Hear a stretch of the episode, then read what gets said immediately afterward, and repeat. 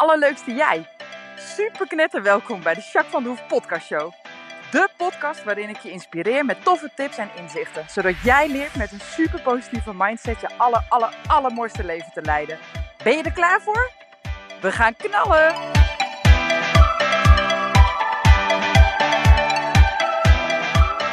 Hey, hey, allerleukste jij. Super mega welkom bij deze nieuwe podcast, podcast 151. Nou, ik uh, ben zoals je al weet uh, iets in het vooruit aan het opnemen. Lucas op vakantie en um, daarom moest ik even iets naar voren schuiven. En toen dacht ik, ik kan wel uh, een podcast een beetje aan elkaar knippen van iets wat ik al een keer gedaan heb. Of een meditatie of iets dergelijks, of visualisatie. Vind ik ook super leuk. Ga ik misschien nog wel even een keer doen. Maar ik dacht, ik vind het nu wel leuk om gewoon een mooie podcast op te nemen. En uh, nou ja, dan maar iets in het voren. Dus dat betekent dat mijn intro lekker kort is. Maar ik heb wel echt een super tof onderwerp voor jou. En ik weet bijna zeker dat je dit heel erg tof vindt om te doen. Dus uh, het is wel een uh, actieve. Deze keer. Dus je mag wel vast pen en papier pakken.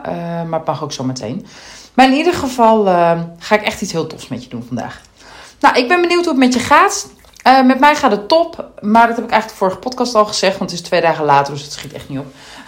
om weer wat over te vertellen. Ik hoop in ieder geval wel dat je van de, uh, de podcast van vorige week, 150, dat ging over Sharks Vibe. Uh, hoe ik bijvoorbeeld, wat ik doe om iets te ownen, zeg maar. Hè, dat observeren, own it en do it. Ik hoop dat je er wat aan gehad hebt. En ik hoop ook dat je het leuk vond om Shark Vibe uh, als rubriek af en toe voorbij te laten komen. Want als dat zo is, dan, uh, nou ja, dan uh, ga ik dat vaker doen. Ik heb nu nog geen reactie gehad, want die andere is nog niet online. dus het lijkt me sterk dat je dan nu al laat weten dat je Jacques Vibe vaker wil. Maar ik hoop dat als je hem geluisterd hebt en je vindt het leuk, dat je dan even reageert. Want ik zou het super tof vinden om vaker te doen. Maar dat doe ik dan alleen als jullie het ook leuk vinden. Want anders heeft het geen meerwaarde, toch? Dus uh, let me know. Ah, misschien ook trouwens sowieso wel. Ik vind sowieso zelf ook een leuk onderwerp om wat over te vertellen. En het is lekker makkelijk natuurlijk. Want uh, ja, ik uh, own dit. Dat is echt mijn ding. Dus voor mij kost dat heel weinig uh, moeite om daar wat leuks over te vertellen. En het kan natuurlijk sowieso waardevol zijn, toch? Uh, maar goed, laat me weten. Oké, um, hoe is het met jou? En waar ben je mee bezig op dit moment? En hoe is het met jou van binnen? En daarvoor wil ik je vragen om even in het hier en nu te komen. En voel maar eens wat je voelt.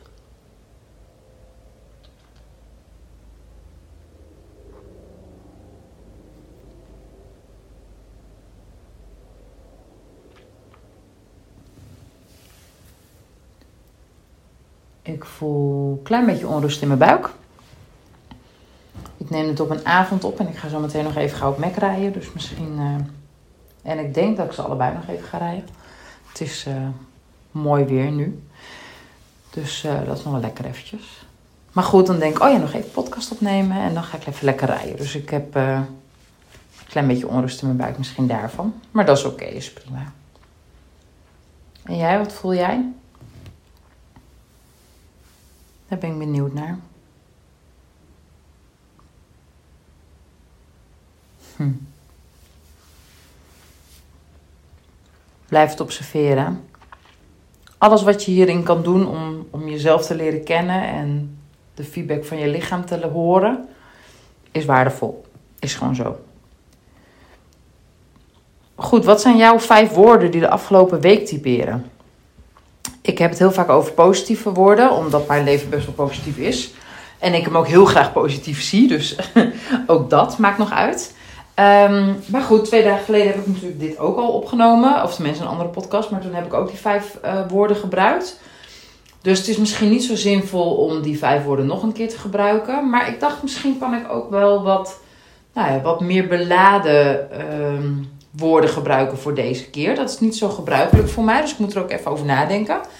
Um, en vijf ga ik echt niet redden, denk ik. Maar goed, een stuk of twee, drie misschien.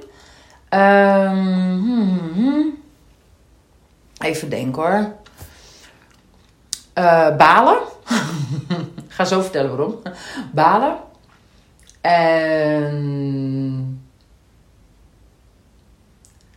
Uh, geraakt zijn. Dus me laten raken. Ja, dat is ook wel eentje. Nou, die andere moet ik even over nadenken. Oh ja. Um, oh, hoe noem ik dat? dat ik. ehm, Oké, ik noem eerst die andere twee. Nou, balen was gewoon lekker praktisch. Ik was. eh, ehm, even kijken, hoe zeg ik dat netjes zonder dat ik mijn kinderen daarop eh, afval, zeg maar. Want dat is niet de bedoeling. Nou, een van de kids die had hun kamer echt gewoon een zwijnenstal. Goed, geeft niet. Kan gebeuren. Ik had zelf ook iets te lang laten gaan. Dat, ze moeten dat zelf doen bij mij en eh, bij ons. En ehm, nou, ik had het ook een beetje te lang laten gaan. Dus wel steeds gezegd, joh, doe, die kamer, doe je kamer even netjes. Maar daar was het een beetje bij gebleven. Dus dat ligt ook gewoon aan mij dat ik er een beetje laks in was geweest. En toen dacht ik, potverdorie, nou ben ik er klaar mee. Dus toen ben ik die kamer even, nou, ben ik even gas gaan geven. En ehm, heb ik die kamer even aangepakt. Nou, uiteindelijk eh, nou, best wel snel en netjes voor elkaar. En lekker schoon en even fris. En eh, schoon bedje en alles erop en eraan. Maar ik baalde er toen wel van dat ik het gewoon te lang had laten lopen. Want het was niet nodig om zo'n vieze kamer te krijgen. Of vies, gewoon een beetje overal troep en dingen. En dan weet ik wel, het is allemaal niet zo heel erg. En het maakt ook niet uit. En dat is allemaal waar. Maar goed, het is wel een beetje, eh, nou ja, ik wil ook graag de kinderen wat meegeven. En daarbij hoort ook een klein beetje discipline, vind ik wel. Eh, hè, ze mogen best eens een keer eh, makkelijk zijn dat ze denken, nou, ik ga lekker op mijn nest liggen en ik doe mijn kamer morgen wel. Dat is prima. Maar dit was niet van een dagje, kan ik je melden. Dus toen dacht ik, oh ja, dat is wel balen dat ik het een beetje te lang heb laten lopen, zeg maar. En dat ik er zelf niet een goede actieve rol of voorbeeldfunctie in heb genomen. Ik vind niet erg, ik ben niet boos op mezelf of zo hoor. Maar ik denk wel, oh ja, dat kan ik volgende keer ook wel anders aanvliegen. Dat zal wel meerwaarde hebben, denk ik. Dus dat was balen een beetje. Eh, wat zei ik nog meer ook weer? Ehm, nou, ik weet niet meer wat ik nog meer zei. Zorgen, zei ik geloof ik. Nou, echt zorgen is het niet. Oh ja, ik voel me wel een beetje eh, geraakt, zeg maar. En dat gaat over iemand, daar kan ik niet zoveel over vertellen. Maar in ieder geval was het echt wel een heel verdrietig verhaal. Normaal lag ik, huil ik eigenlijk voornamelijk bij films.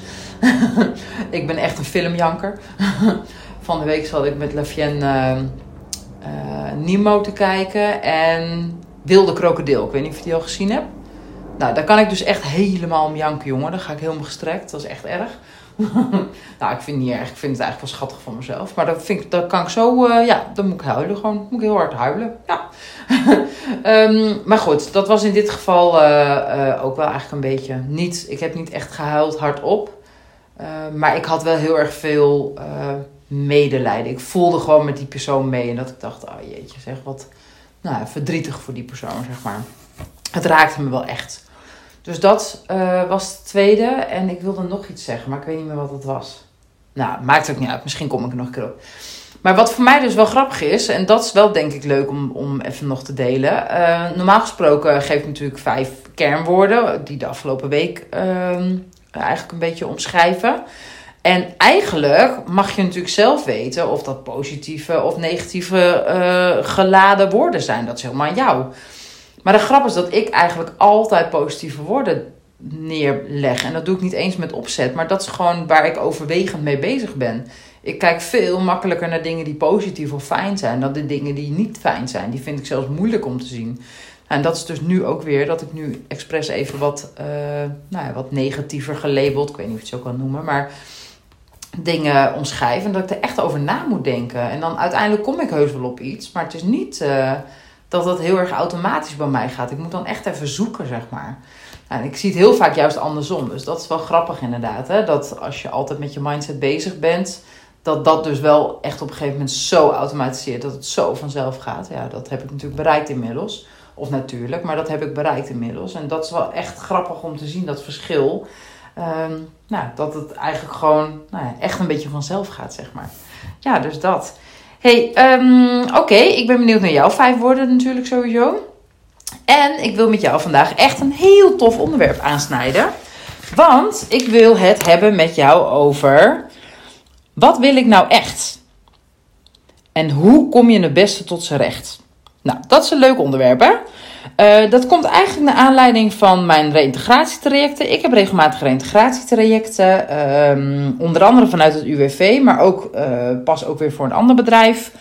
Doe ik af en toe ook. En nu pas ook weer voor een, um, ja, een soort van nou, een overheidsinstelling, laat ik het daar maar op houden. Mocht ik ook een mooie reïntegratietraject doen van twee personen.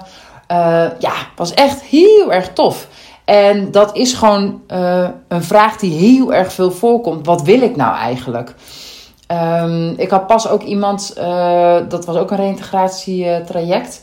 En de eerste keer dat zij kwam, kwam ze met een hele mooie jeep. en uh, ik kwam naar het. de eerste keer kom ik altijd even naar de parkeerplaats toe lopen. Om, je, om even gedachten te zeggen en welkom te heten. En dan neem ik je mee naar mijn blokhut, zeg maar. En zij kwam met een hele leuke jeep. Die had volgens mij geleend. Zo, ik weet niet, misschien vanzelf. Ik weet het niet. Maar in ieder geval, toen zei ik tegen haar: Wauw, als ik later groot ben. Dat is ook echt zo. Ik wil mijn hele leven lang al een jeep. Dus ik zei: Als ik later groot ben, dan wil ik zo'n auto. Ze zei: Oh, maar als ik later groot ben, wil ik weten wat ik, wat ik worden wil. Terwijl we ongeveer dezelfde leeftijd hebben. ze is iets jonger dan mij, maar niet veel. Dus dat was echt heel grappig, inderdaad. Toen dacht ik: Ja, inderdaad. Ja, hoe fijn is het als je gewoon weet wat je worden wil. in die zin, als je weet wat je, waar je tot, tot je recht komt en wie je bent, zeg maar, weet je. En ik merk dat het natuurlijk in een reïntegratietraject echt heel erg vaak, nou, bijna bij iedereen, uh, een uh, onderwerp is die ze willen uitzoeken voor zichzelf hier in het reïntegratietraject. Maar ik heb ook toch ook wel regelmatig uh, andere trajecten van mensen die nou, dan toch een beetje op zoek zijn naar, ja, is dit het nou wel? Wil ik iets anders in mijn leven? Maar wat wil ik dan in mijn leven? Ik ben niet meer zo happy met mijn werk. Maar waar ik dan voor moet kiezen, geen idee. Dat is ook wel een onderwerp die ik gewoon echt heel vaak ook buiten reïntegratie, echt gewoon de andere trajecten ook best wel veel krijg. Dus vandaar dat ik dacht, dat is echt wel een leuk onderwerp om, uh, uh, om uh, met je te bespreken. Nou, ik had bijvoorbeeld, was dan ook een reïntegratietraject, uh, had ik iemand die werkte op kantoor, die was uitgevallen, tweede keer burn-out, maar nu echt helemaal uitgevallen. En gaande ons traject kwamen we erachter dat zij het uh, heel belangrijk vindt, of eigenlijk dat het voor haar veel passender is, als ze wat actiever is. Dus uiteindelijk is de combinatie van uh, dingen echt doen, dus ondernemen. En dus ook daadwerkelijk uh, lopen, soms met de, met de auto iets doen, afstandje of dat soort dingen. Of um, daadwerkelijk iets bijdragen aan iets maken bijvoorbeeld. Of nou, dat was veel meer haar ding dan, dan het vanaf kantoor doen, zeg maar. Nou, toen we daarachter kwamen, konden we uh, nou, nog wat andere zaken op de rit zetten. En toen konden we vanaf daar uh, richting reintegreren en veel actievere houding. Nou, dat is nu hartstikke goed gelukt. En ze heeft nu een functie waarin ze eigenlijk vooral uh, operationeel is, dus echt dingen doet. En dat past er echt perfect, want ze vindt het super leuk, ze heeft energie en ze nou, ze zou maximaal 20 uur werken, maar op dit moment werkt ze 23 uur, geloof ik, of 22. Maar in ieder geval lukt het hartstikke goed. En ze zei al van, nou, als van de zomer mijn collega's op vakantie zijn, dan kan ik wel iets meer werken hoor. Want uh, ik red me gewoon prima. Ik zit gewoon lekker in mijn vel en ik kom gewoon, nou ja, op tijd bij, zeg maar. Hè? Dus het weekend en mijn avonden zijn ruim genoeg. Uh, om weer gewoon bij te tanken. En ze zegt, soms vind ik het juist wel lekker, want ze heeft ook twee jonge kinderen. Dus ze zegt, soms vind ik het juist wel lekker dat ik aan het werk ben. En uh, dat het thuis allemaal geregeld wordt. Eigenlijk kom ik dan nog met heel veel energie terug. Dus dat is wel heel grappig. Um, ja, die voelt zich gewoon echt hartstikke lekker, zit lekker in de vel. En dat komt eigenlijk ook omdat het werk wat ze nu doet gewoon veel beter bij haar past. Zij komt zelf veel beter tot, het tot haar recht.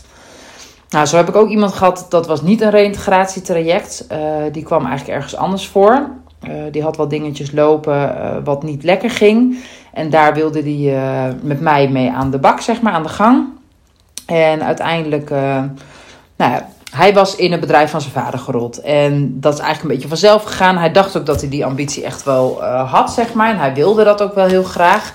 Maar uiteindelijk was het gewoon niet, niet zijn ding. Het was gewoon niet geschikt voor hem, echt. Nou, die liep daar dus op vast. En het was niet eens waarom die kwam, want hij had dat helemaal niet zo goed in de gaten. Maar het bleek dus wel een belangrijk onderdeel te zijn, waardoor het hem allemaal niet zo goed lukte, zeg maar. Dus in die zin uh, denk ik dat het heel passend is geweest, dit traject voor hem. En uh, nou ja, is hij inmiddels een andere weg ingeslagen. Hij zit nog wel een klein beetje in het bedrijf van zijn vader, omdat hij niet helemaal los kan laten. Dat heeft met wat andere zaken te maken. Maar in ieder geval doet hij daarnaast ook iets wat hem dus echt ontzettend goed ligt. En dat vindt hij heel leuk om te doen. Dus uh, ja, eigenlijk komt hij daarin gigantisch tot zijn recht. En uh, ook hier weer eigenlijk een beetje dat succesverhaal. Dat de dingen waar hij eigenlijk voor kwam uh, ook gewoon veel makkelijker lopen. Dus dat is echt heel erg fijn hoe, hoe zoiets dan kan ontstaan, zeg maar. Hè? Nou, in reintegratietrajecten heb ik meerdere tools waar ik gebruik van maak. Maar ik wil je vandaag bekendmaken met je behoefteprofiel en je competenties. Misschien heb je ooit van Remo Largo gehoord. Dat is iemand die heeft ook een boek geschreven en die is veel bezig met match of fetish of mismatch in je hele leven, maar zeker op zakelijk gebied, zeg maar. Dus waar jij bent, klopt het dat je daar ehm, hoort te zijn. Nou, hij heeft onder andere uh, Hoe herken je een mismatch geschreven. En ik zal daar even een klein stukje over lezen. Dan heb ik hier een beetje donker gemaakt voor mezelf. Dat is natuurlijk niet slim, hè? Oké.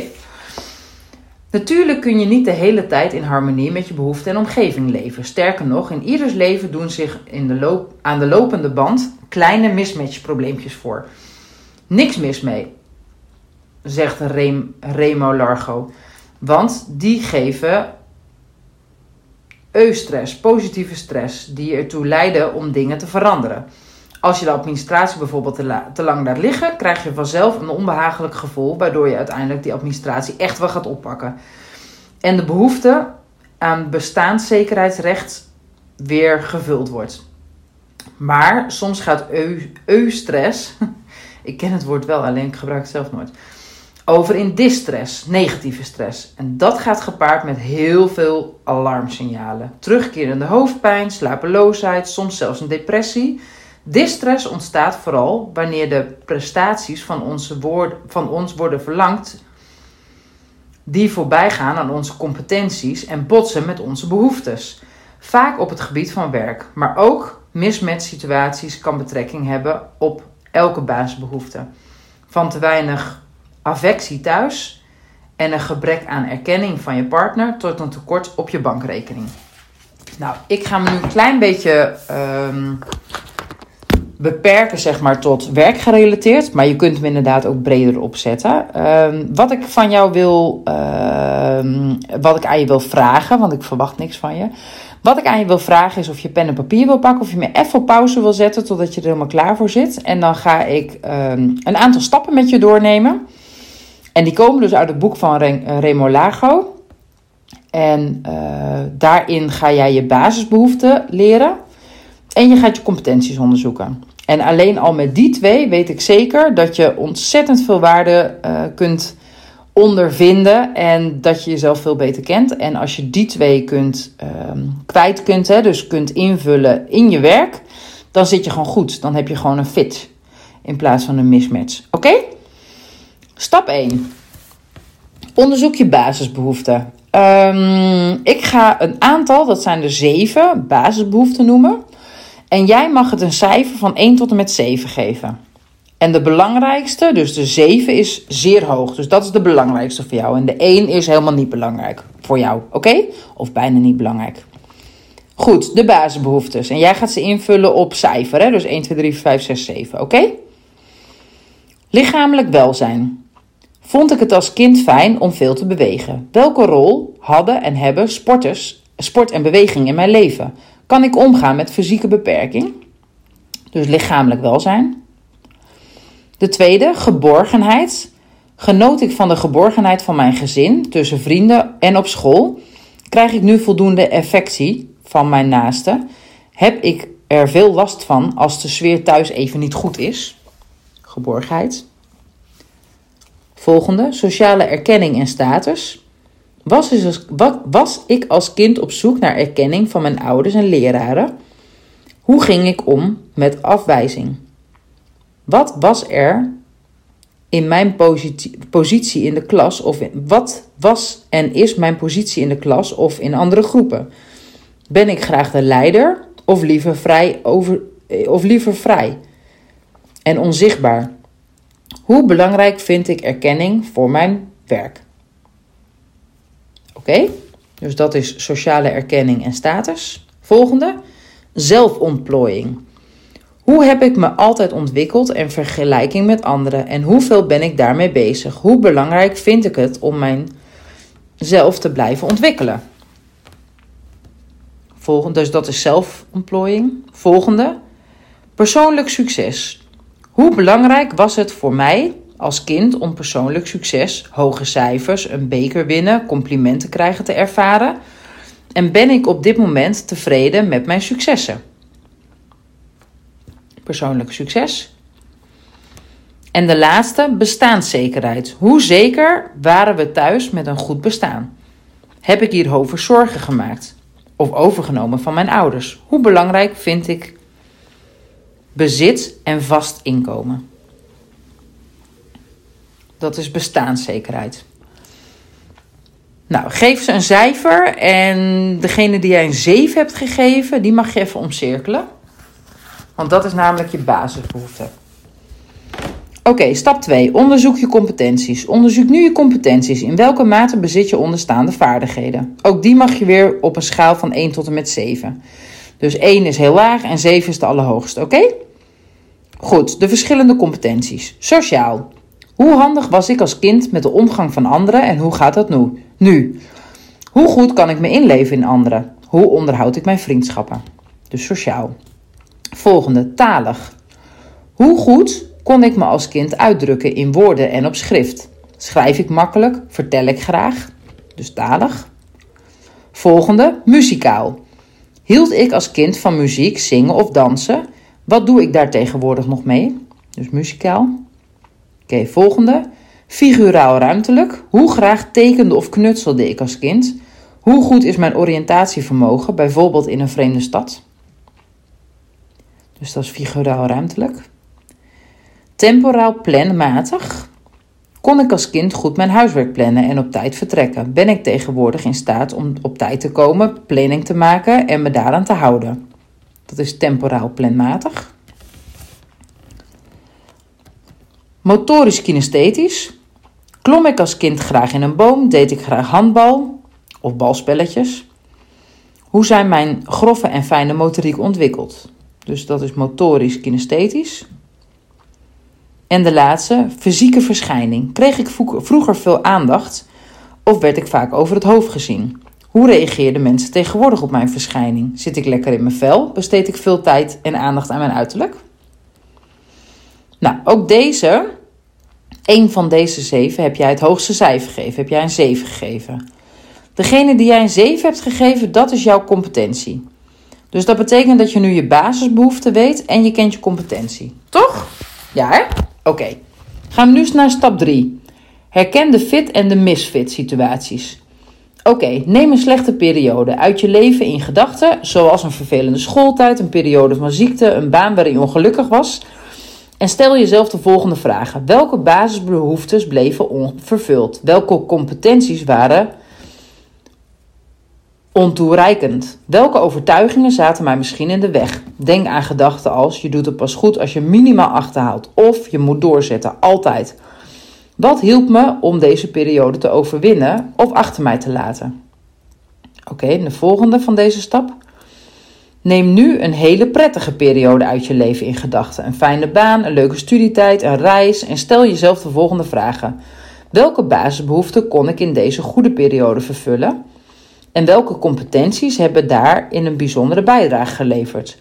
Hoe sloot deze fase aan op mijn overtuigingen? Welke rol speelde ik zelf en welke rol speelde mijn omgeving? Goed, als je dat gedaan hebt, dan ben je alweer een hele hoop wijzer. Namelijk of je fit uh, situaties of misfit situaties uh, hebt en hoe je daarmee omgaat. Oké, stap 4. Onderzoek nu de match tussen jou en je omgeving. Die bestaat ook weer uit twee stappen. In hoeverre zijn mijn basisbehoeften en competenties, mijn verwachtingen en overtuigingen in harmonie met mijn gezinsleven? En in hoeverre zijn mijn baasbehoeften en competenties in harmonie met het werk wat ik nu doe? Krijg ik voldoende erkenning? Kan ik de prestaties leveren die, ik, die van mij verwacht worden? Of werk ik onder mijn niveau? Worden hier niet alleen mijn competenties benut, maar ook mijn basisbehoeftes vervuld? En kijk er eens kritisch naar. En de laatste stap van misfit naar fit. Naast inzicht zijn vervolgens ervaringen nodig. Hoe is het als ik mijn werk net iets anders inricht, zodat mijn competenties beter uit de verf komen? Wat verandert er als ik twee avonden in de week Chinees ga leren en zo mijn behoefte van ontplooiing bijvoorbeeld meer aan bod laat komen? Met positieve nieuwe ervaringen kun je ongelukkig, ongelukkig makende situaties ombuigen naar omstandigheden die bij je passen. Nou, wat ze daarmee bedoelen, ik vind hem een beetje uh, plastisch omschreven, maar wat ze daar vooral mee bedoelen, het is niet per se altijd nodig dat je werk, en soms kan het ook niet, uh, dat je je werk zegt, maar soms uh, kun je door iets toe te voegen of dingen anders te doen, kun je toch die behoeftes en je competenties gewoon uit de verf laten komen. Hè? Dat inderdaad twee avonden de week Chinees leren, ja, dat is een mooi voorbeeld van hoe je misschien wel aan die ontplooiing komt als je die heel hoog hebt staan of op, hè, als 7 hebt staan. Uh, en dan komt het in het werk misschien iets minder tot zijn recht. Maar als je daar buiten het ruimschoots goed kunt maken, ja, dan kan je evenwel gewoon een goede fit uh, situatie hebben. Um, en is die mismatch in het werk niet meer zo heel relevant, want die kun je dan op, uh, hè, weer opwaarderen, zeg maar, upgraden. Hè? Nou, ik denk dat dit heel interessant is, want als jij je baasbehoeften en je competenties kent, dan denk ik dat het ontzettend meevalt. in die zin dat je veel meer weet wie je bent en wat je nodig hebt. En uh, zeker aan de hand van de vijf stappen die ik je vandaag heb geleerd, verwacht ik dat je echt wel een inschatting kunt maken over nou ja, hoe je deze kunt inzetten in je leven. En waar je hè, uh, het herkennen van eventueel fit en misfitten. Um, en ook de het onderzoek in jouzelf en in je omgeving en waar je het eventueel kunt aanpassen. Nou, dat lijkt me heel zinvol. Uh, want dat maakt dan een veel leuker leven. Nou ja, volgens mij als je een leuk leven hebt, dan word je daar blij van. En zit je lekker in je vel en voel je gelukkig. Ja, dat is aan alle kanten prettig volgens mij, toch? Nou, ik hoop dat je hier wat aan hebt. Uh, ken je nou iemand die dit waardevol vindt of ook een beetje daarna op zoek is of iets mist uh, op dat gebied, zeg maar. Hè? Dus een klein beetje meer zou willen zelf ontwikkelen op dit gebied. Noem maar op, laat het alsjeblieft weten. je kunt ook gewoon lekker de uh, podcast lekker doorsturen naar die persoon, uh, zodat je iemand weer kunt inspireren. En dan word ik ook alleen maar blij van. Dus doe dat alsjeblieft. Wil je nou nog veel meer, want dit is maar een klein tipje van de sluier op dit gebied. Zeg je nou, ik wil echt weten wie ik, uh, wie ik ben, wie ik nou echt ben. Kun je twee dingen doen. je kunt natuurlijk het boek van uh, Large kopen. Dat heet De Bezige Bij is een leuk boek. Ik heb hem gelezen. Hartstikke leuk om te doen. Um, en daar staat onder andere dit onderzoekje ook in. Dat is heel leuk. Is dat niet voldoende of heb je daar niet zoveel mee? Dan kun je ook altijd natuurlijk hier bij mij komen. Uh, want wij kunnen dit ook heel erg goed. En dan kunnen we het samen op je afstemmen. En als je het allemaal duidelijk hebt, hè, als je het goed weet, dan helpt dat natuurlijk enorm. En dan kan ik je ook nog mee helpen, meedenken hoe je dat dan daadwerkelijk in de praktijk kunt verwezenlijken. Want dat is natuurlijk soms ook nog best wel even zoeken, denk ik. Hè? Nou, ik hoop dat je hier wat aan gehad hebt. En ik wens je uh, voor nu een uh, magische dag en week. En uh, ik spreek je volgende week. Doei doei!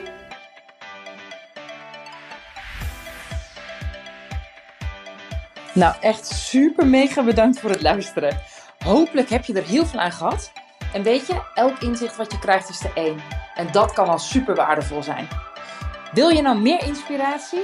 Of wil je door mij gecoacht worden om jouw issues om te draaien tot een kracht? En zo je echt de aller, allermooiste leven te gaan leiden?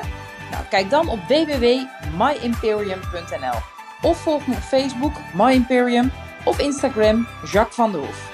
Nou, en tot slot, deel alsjeblieft deze podcast met alle mensen waarvan jij denkt: oh, misschien is dit waardevol voor die persoon. Want zo help je mij onwijs mijn bereik te vergroten.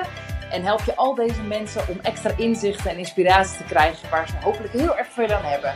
Dus alsjeblieft, alsjeblieft, doe dat. En tot de volgende podcast. Doei doei!